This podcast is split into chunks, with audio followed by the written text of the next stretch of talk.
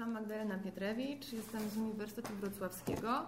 Tam obecnie na trzecim roku doktoratu, ale też e, od około 4 lat, przez około 4 lata pracowałam w ośrodku Nowy Świat w Legnicy i tam koordynowałam działania, które łączą ze sobą etnografię i sztukę, że ten ośrodek e, funkcjonował przy Teatrze Heleny Modrzejewskiej, to też było to ukierunkowane między innymi w stronę teatru.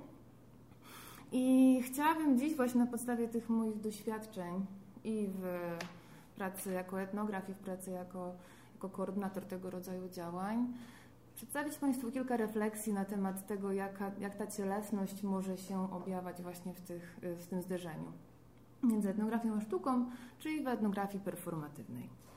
Mm, na początku chciałabym e, opowiedzieć w kilku słowach o samej etnografii performatywnej i o tym, jak ja rozumiem performance. Później w kilku słowach też o cielesności w etnografii performatywnej, to też tak dość teoretycznie i najwięcej czasu chciałabym poświęcić e, na konkretne przykłady tego, jak ta cielesność w etnografii performatywnej na przykładzie projektu Historia Nowego Świata się objawiała. I w tym samym czasie chciałabym e, pokazać Państwu kilka zdjęć, które tak właściwie ilustrują to, o czym będę mówiła. To są zdjęcia i Starej Legnicy i też zdjęcia z projektu, e, e, o którym będzie mowa. Ale zaczynając o tym wprowadzeniu, mm, e, wprowadzeniu teoretycznym, to chciałabym na początku zacząć od Wiktora Turnera, który tak właściwie w antropologii zauważył, że jest ona mało atrakcyjna i dla wykładowców, i dla studentów. Przez to doszedł do wniosku, że nie powinno zamiast komentować i czytać te materiały e, badawcze, które przywozimy z terenu, lepiej tak właściwie je odgrywać.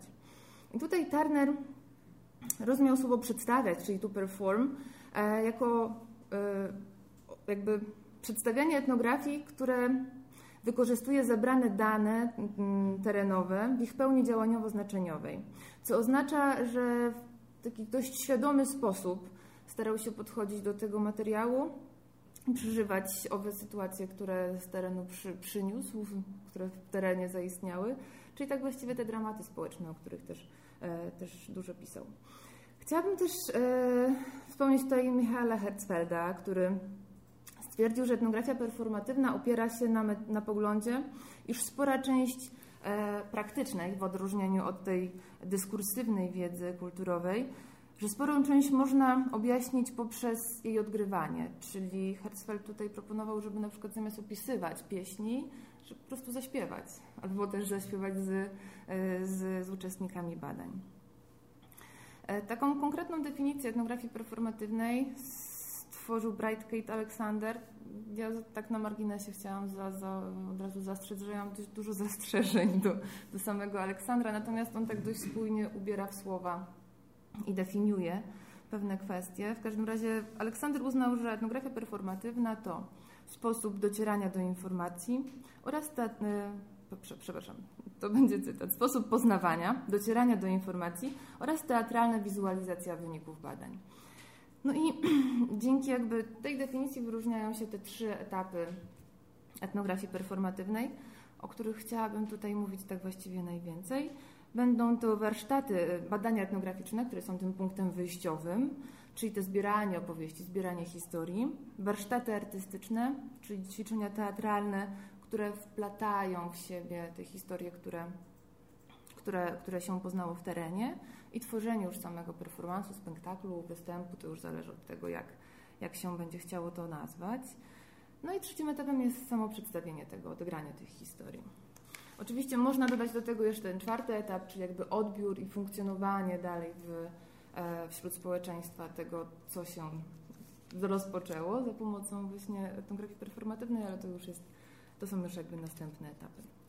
Przechodząc do samego performansu, chciałabym zaznaczyć tutaj za Jackiem Wachowskim, że owa cielesność, o której tutaj mowa, jest jednym z warunków mm, w defin- jakby warunków dla istnienia performansu, że performance musi być cielesny, musi dotyczyć ciała, e, musi się na nim koncentrować. I tak właściwie dlatego też e, Aleksander uznał, że etnografia performatywna to metoda, która się na ciele koncentruje. Koncentruje się na doświadczeniu poprzez ciało i zmysły. Mm. Więc o tej cielesności w etnografii performatywnej właśnie chciałabym powiedzieć Państwu o projekcie, na, na, na przykładzie projektu Historia Nowego Świata, z którego zdjęcia mogą Państwo oglądać. I tutaj od samego początku może kilka słów na temat samego projektu. E, miał miejsce w 2012 w 2013 roku w Ośrodku Nowy Świat, w którym ja też pracowałam. Projekt koordynowałam od samego początku i prowadziłam też badania. W samym projekcie wzięli udział e, jakby goście, osoby, które zaprosiliśmy z Niemiec, z Izraela, i, i Polacy mieszkający, mieszkający w Legnicy. Na, na, na, ogół to były osoby, które mieszkały dość blisko samego ośrodka Nowy Świat i były związane właśnie z tą częścią Legnicy. Były to, byli to młodzi ludzie po prostu zainteresowani albo sztuką, teatrem, albo właśnie etnografią, czy też chęcią poznawania swojego własnego miejsca, ponieważ sam projekt zaczynał się właśnie od badań etnograficznych, które dotyczyły budynku, który mieścił się przy ulicy Nowy Świat 19, czyli siedziby ośrodka Nowy Świat. To jest wielka kamienica z XIX wieku z dobudowaną sceną. Tutaj na samym początku były, były tego zdjęcia. Może ja to cofnę, żeby, e, żebyśmy byli na bieżąco. Tak wyglądał Nowy Świat, ulica Nowy Świat, jeszcze za czasów niemieckich. E, ponieważ przed wojną to był po prostu ciąg kamienic. Tak wygląda teraz, po różnego rodzaju dziwnych e, e, zmianach w związku też ze scenografią i spektaklami, które się odbywały, a to jest ta kamienica dziś. To jest jej podwórko i już początek samego projektu. Więc Mm, osoby, które przyjechały do nas, to byli po prostu amatorzy czy, czy sztuki teatralnej. Była jedna aktorka, z tego co pamiętam, ale reszta osób to byli albo muzycy, którzy po prostu chcieli się włączyć w teatralne działania, albo ludzie, którzy chcieli e, dowiedzieć się czegoś więcej o Legnicy i samej okolicy. Mm, I te badania właśnie dotyczyły, dotyczyły jednego budynku, czyli, czyli tej XIX-wiecznej kamienicy, która ma z tyłu wielką dobudowaną salę, jak było widać. Historia kamienicy jest dość e, wyjątkowa.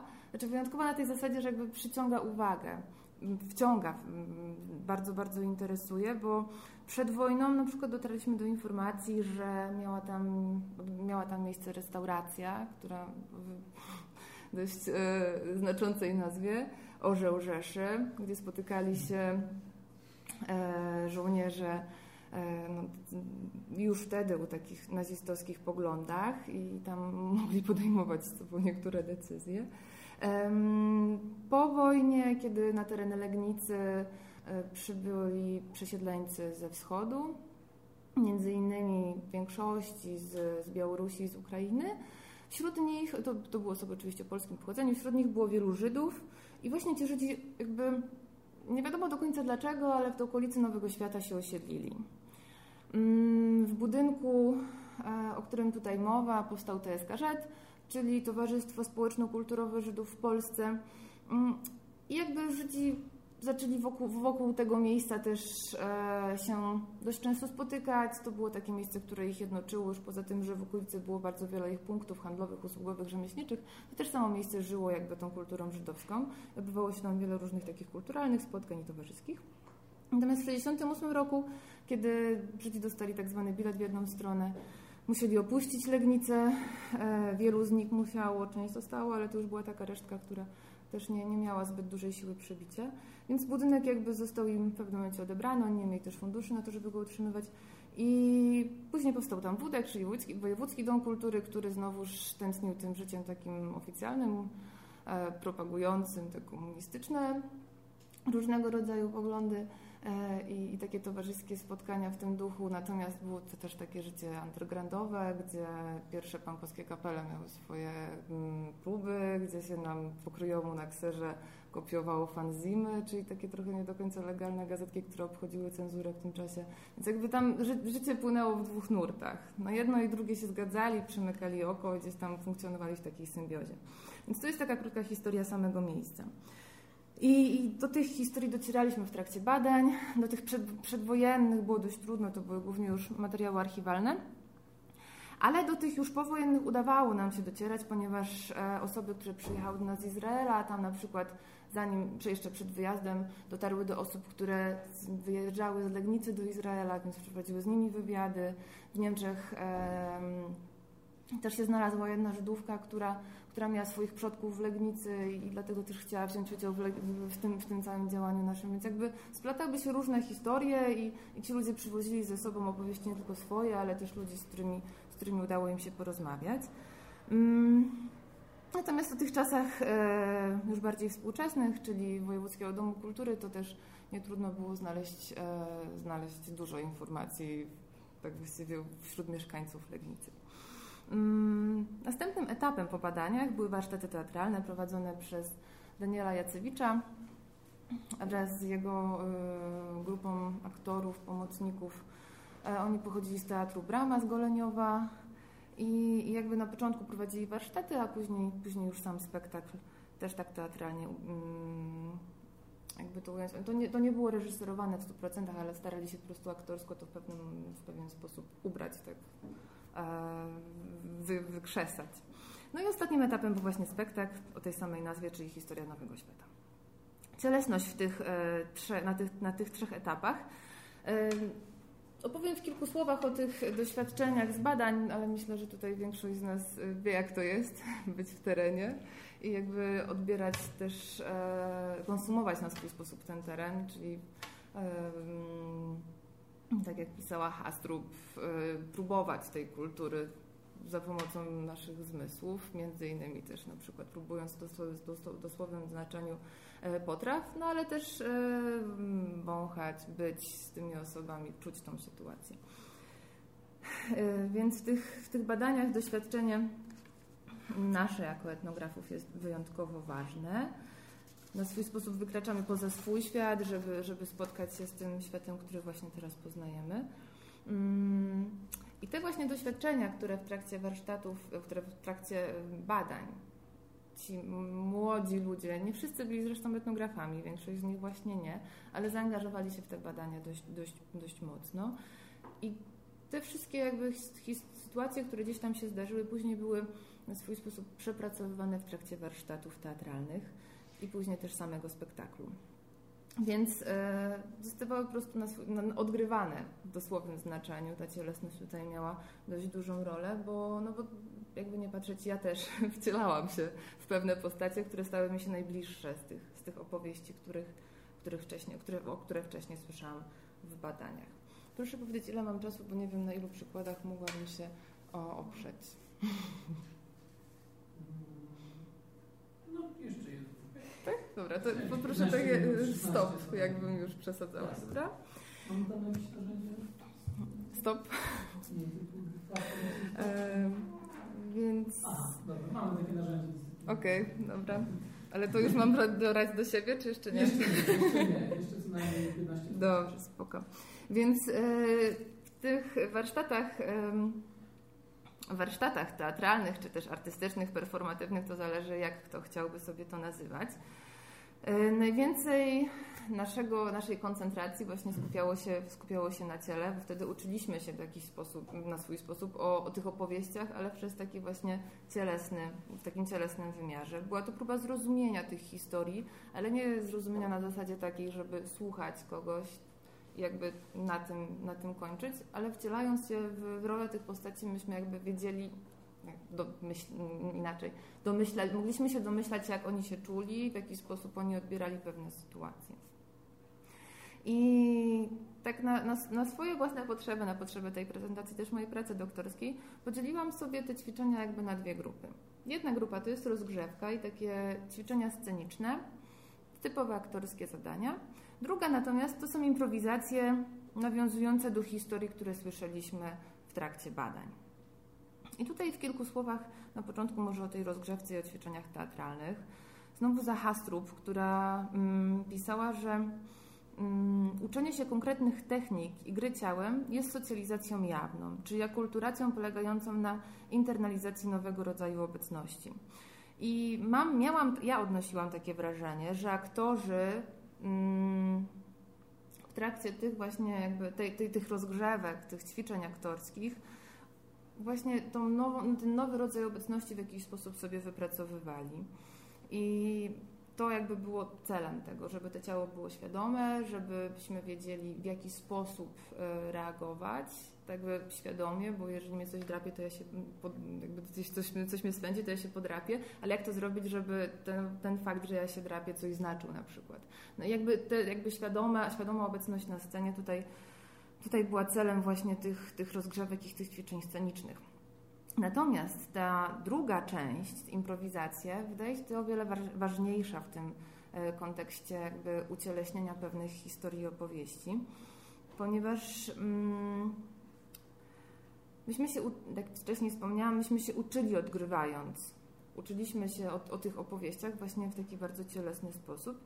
I tutaj chciałabym na kilku przykładach konkretnych zadań, które Daniel e, nam proponował, a myśmy w to wchodzili, powiedzieć, jak to się odbywało tak krok po kroku. Więc na przykład y, odnosząc się do tej przedwojennej restauracji, mm, po takiej szybkiej rozgrzewce teatralnej Daniel nam powiedział, e, no dobra, to teraz wyobraźcie sobie, że, że jesteście właśnie w takiej przedwojennej restauracji, są panie, są panowie, gra muzyka, wtedy muzyka zaczynała, ktoś tam sobie zaczynał na czymś grać, albo ktoś coś włączył. Um, no wiecie, nawiązują się jakieś relacje między wami, ktoś chce kogoś poderwać, ktoś chciałby z kimś zatańczyć, ktoś komuś czegoś zazdrości. No i tak to się mniej więcej rozkręcało. Dawał nam trochę czasu na to, Myśmy starali się wejść w tę sytuację, kiedy wiedział, że mniej więcej już, już w tym jesteśmy. No to dawał nam kilka nowych, jakby takich impulsów. I, i, i ta sytuacja się rozkręcała. Kumulacją tego był fakt, znaczy było jakby też taki, tak, takie zdanie Daniela, w którym on nas prosił o to, żeby, żebyśmy sobie wyobrazili, no dobra, teraz jest fajnie, teraz sobie tańczycie, jest, rozkręca się imprezka i w ogóle, ale wyobraźcie sobie, że właśnie teraz ktoś ogłasza, że jest wojna. Przychodzi wojna i mężczyźni muszą, muszą iść na front. Kobiety muszą zostać. No i znowu cięcie, zmiana, jakby totalny, totalnie inne nastawienie już, inna atmosfera, którą znowu trzeba w jakiś sposób zbudować, ale mm, no i zacząć się żegnać, tak? Więc w jakiś sposób też mm, pozwalała nam ta sytuacja zrozumieć w wielkim skrócie oczywiście. Ja nie mówię, że myśmy się poczuli tak jak te osoby, które faktycznie wtedy żyły i funkcjonowały, ale mieliśmy możliwość jakby wejść trochę w ich skórę i domyśleć się, jak, jak to mogło być. E, jak mogli się oni wtedy, wtedy poczuć. Inną taką, taką sytuacją, takim przykładem była na przykład giełda wymienna, która, e, która funkcjonowała trochę nielegalnie w trakcie owego WDK-u, o którym opowiadałam wcześniej, czyli Wojewódzkiego Domu Kultury. To były lata tak 80., początek 90., kiedy w konkretne dni tygodnia, o konkretnych porach spotykali się, mm, spotykały się osoby, które miały jakieś rzeczy do wymiany. Na początku to były głównie płyty płyty winylowe, oni się wymieniali na ogół muzyką, później się zaczęli wymieniać już wszystkim, przez alkohol, papierosy, wszystko co się udało gdzieś tam e, skołować. No i, i naj, największą furorę wtedy też robiły kasety wideo, więc tymi kasetami się wymieniali. W związku z tym, że to nie była do końca taka mm, mm, legalna wymiana, no to trzeba było się trochę z tym ukrywać. No i też jakby Daniel powiedział nam, no dobra, no to teraz wyobraźcie sobie, że jesteście na tej E, giełdzie, stoicie przed budynkiem, bo to się odbywało na ulicy. E, I tak, po pierwsze zastanówcie się, po co tu przyszliście, z czym przyszliście, co chcecie się wymienić, co, chce, co chcielibyście wymienić. E, musicie zrobić tak, żeby nikt nie widział. I tak dalej, i tak dalej. Więc my też w jakiś sposób staraliśmy się wejść w tę sytuację, w której, w której zaczynaliśmy się ukrywać, trochę takim szemranym krokiem, troszeczkę tak zrobić, żeby, żeby nie było nas, y, nas widać, żeby nie było widać po co tu przyszliśmy. Każdy zaczął udawać jakby troszeczkę coś innego. I też dzięki temu jakby mogliśmy wejść w tą sytuację, w której nie do końca chcieliśmy mm, wyjawić swój cel, tak, uczestniczenia w tej, w tej giełdzie. Więc takich, tego rodzaju improwizacji, tego rodzaju zadań było dość dużo. Niektóre z nich były w grupach. Mm, dostawaliśmy na przykład takie hasło, dobra, to teraz są czasy Wojewódzkiego Domu Kultury. E, wiecie mniej więcej, co tu się działo, że tam panie pracowały w biurze, wiecie, że były koncerty punkowe, wiecie, że była na przykład pani sprzątaczka, która e, na wszystkich się denerwowała, ale tak naprawdę wszystkim we wszystkim zawsze pomagała i tak dalej, i tak dalej. No i jakby wybierzcie sobie w kilkuosobowych grupach sytuacje, które chcielibyście przedstawić. No i wtedy jakby był też czas na pracę, to nie trzeba było robić na już, to, to był moment, w którym mogliśmy przygotować dość kilku tam minutowe etiudy.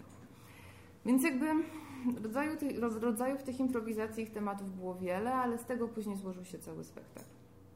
I mam wrażenie, że właśnie te, e, po pierwsze to, jak, jakie role wybieraliśmy, to jakie, mm, jakie sytuacje chcieliśmy przedstawić, odegrać.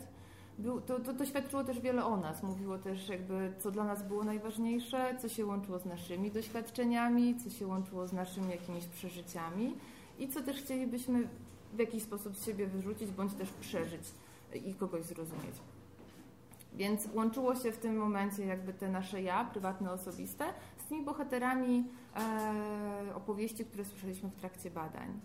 I to się, to się, mam wrażenie, przeplata przez cały spektakl, tak samo jak e, można przyjąć tutaj w odniesieniu do, do Dumańskiej jej, e, jej, jej definicji performansu, że ten performance w sensie szerokim, czyli ten jakby sytuacji codziennych, które nas spotykają i różnego rodzaju rytuałów, pochodów, e, występów, Łączył się też z tym performansem w sensie, w sensie wąskim, czyli tym performansem na przykład w stylu aktu teatralnego czy też spektaklu.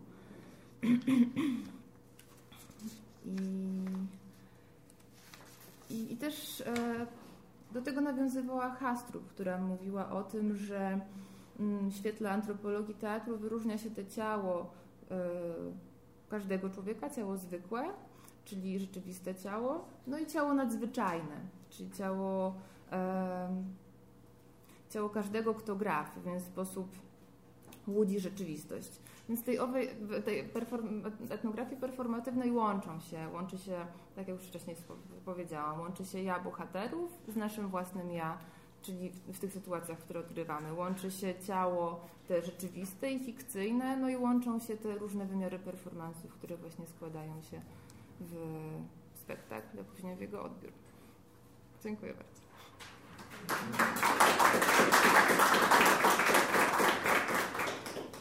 Czy są jakieś pytania, uwagi, komentarze?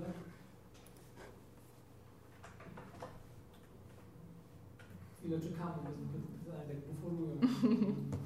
Trzeba dać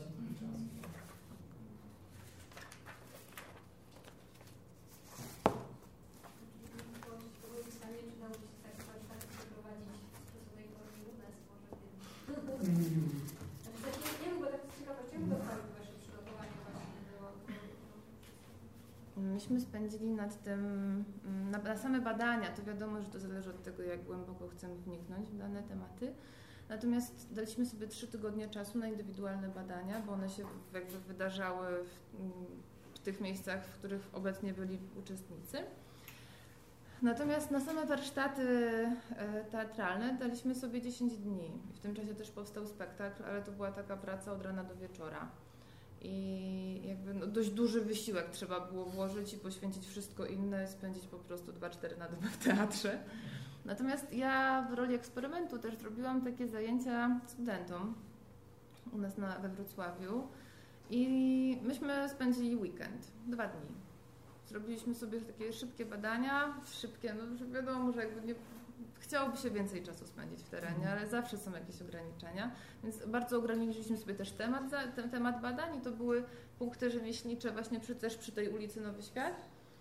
Oni mieli kilka godzin na to, żeby spotkać się z przynajmniej jedną osobą, która tam pracowała aktualnie, bądź też e, wcześniej i dowiedzieć się w jakiś sposób, jakby, jak, jak wygląda trochę codzienność tej osoby, jakie ma problemy, w jakim miejscu pracuje, jak w tej przestrzeni sobie radzi i tak dalej, jak sobie ją zorganizowała. A później właśnie w ramach e, tych, tak, tego rodzaju warsztatów teatralnych i ćwiczeń improwizacyjnych przez dwa dni sobie pracowaliśmy na tym, na tym materiale. Nie? I było całkiem ok. Skończyło się to takim trochę pokazem wewnętrznym. Nie zapraszaliśmy nikogo i nie nagrywaliśmy nawet tego. Oni też jakby nie chcieli za bardzo tego nagrywać, ale po prostu płynnie każdy przedstawiał trochę swoją scenę, swoje spotkanie z tą osobą. I to wyszło. Dwa dni. To w dużej mierze były badania dotyczące pamięci, prawda? Tak. A właśnie, a czy tam się pojawiły też wątki współczesności? Czy tam odgrywano postacie, które są współczesne? Tam Mhm. Tak, bo te czasy WDK-u to są. No WDK funkcjonował do lat 90. Mhm. Później mm, dwie instytucje, czyli Wojewódzki Dom Kultury i Teatr Miejski się połączyły. Całość została przeniesiona do budynku, w którym teraz pracuje, funkcjonuje teatr Heleny Modrzejewskiej, czyli do rynku Legnicy. Natomiast pracownicy jakby z WDK-u zostali wcieleni też do teatru, więc nie mieliśmy, oni dalej tam pracują. Mhm. I dalej te opowiadają te historie. Ty, a wiesz, że pierwszy komputer w Legnicy to był właśnie w WDK na moim biurku. Więc jakby te historie ciągle były i te osoby też były na spektaklu. I niesamowite jest to, jak oni odbierają historie, które, które sami przeżyli. nie? Najpiękniejsze to byłoby to, żeby ich włączyć w ten spektakl. Ale różnie to jest, nie zawsze chcą. Mi się to podoba jako takie narzędzie samorefleksyjności antropologa, tak? że on sobie wtedy sam może jak sobie, jak sobie rzeczywiście to wyobraża, tak? w momencie, kiedy staje przed momentem, kiedy musi to odegrać. Tak. Ja nie wiem, jak odegrał swoje. No. Ale też ciekawie, jak zmieniałaś tę perspektywę, kiedy na przykład kiedy na próbach to można powiedzieć przeżywaliście, a kiedy to już było wystawione, to już było wystawione na scenie, no to też co innego pozwolić sobie chyba przeżywać tak to w małej, zamkniętej grupie, co innego jednak odgrywać coś przed publicznością. Czy to było w jakiś sposób różne doświadczenie, czy, czy raczej... To był pewien proces. Bo mm, myśmy też, no to też trzeba mówić, że my nie, nie przestaliśmy być sobą. Myśmy ciągle też odgrywali swoje jakby role też społeczne. Ja na przykład bardzo się utożsamiałam z panią sprzątającą z WDK-u i uznałam, że to jest najbliższa mi postać, bo jako koordynator tego ośrodka nieraz musiałam po wszystkich sprzątać i nadrabiać jakby wszystkie inne rzeczy, więc jakby wyszło na to, że pani sprzątająca jest dla mnie najbliższa. I i to jest pewien proces, w którym się przepracowuje też jakby swój, sw- swoje miejsce na świecie, nie? Z jednej strony jakby pani sprzątająca stała mi się bardzo bliska. Już w stu procentach rozumiałam. A z drugiej strony to też zauważyłam, no dobra, no ale może skoro ja tak właściwie zaczynam odgrywać taką, a nie inną rolę, może mi to nie do końca pasuje. I wtedy jakby doszło mi że, że tak, że chyba chodzi o to, żeby trochę też coś zmienić. No i wtedy na przykład zauważyłam, że przeszkadza mi to, że ja sama to wszystko ogarniam. Że robię coś za innych, a oni jakby wychodzą, mówią cześć. I ja z tym zostaję. Więc tupnęłam nogą i powiedziałam, chcecie, żeby się coś działo, to róbmy to razem. I faktycznie to zaczęło tak funkcjonować. Więc jest ta refleksyjność zwrotna taka, nie? Coś tam takiego działa. A jaki był odbiór tego spektaklu? Tak, Mm. Ludzie byli bardzo, bardzo raz, że zaskoczeni, że takie proste, zwykłe historie się wystawia na scenie, no ale do tego trochę tam gdzieś już teatr ich przygotowywał, bo, bo teatr opowiadał o tych historiach legnickich, ale w takim zawsze wielkim wymiarze tej wielkiej historii.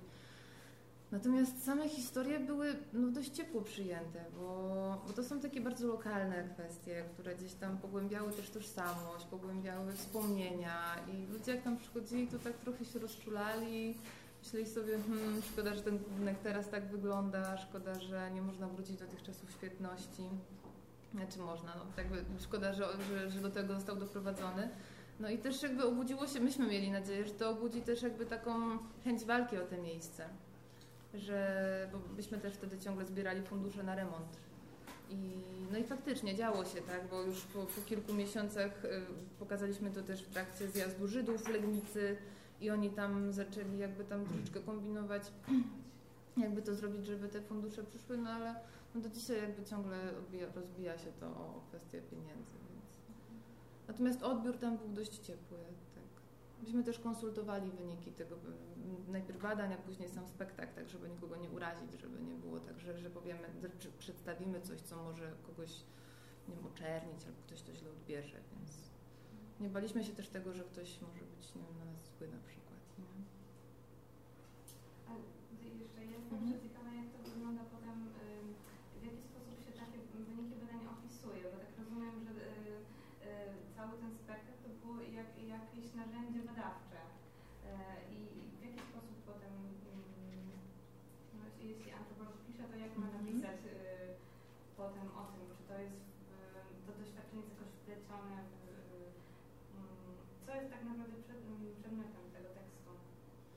Właśnie to jest jakby.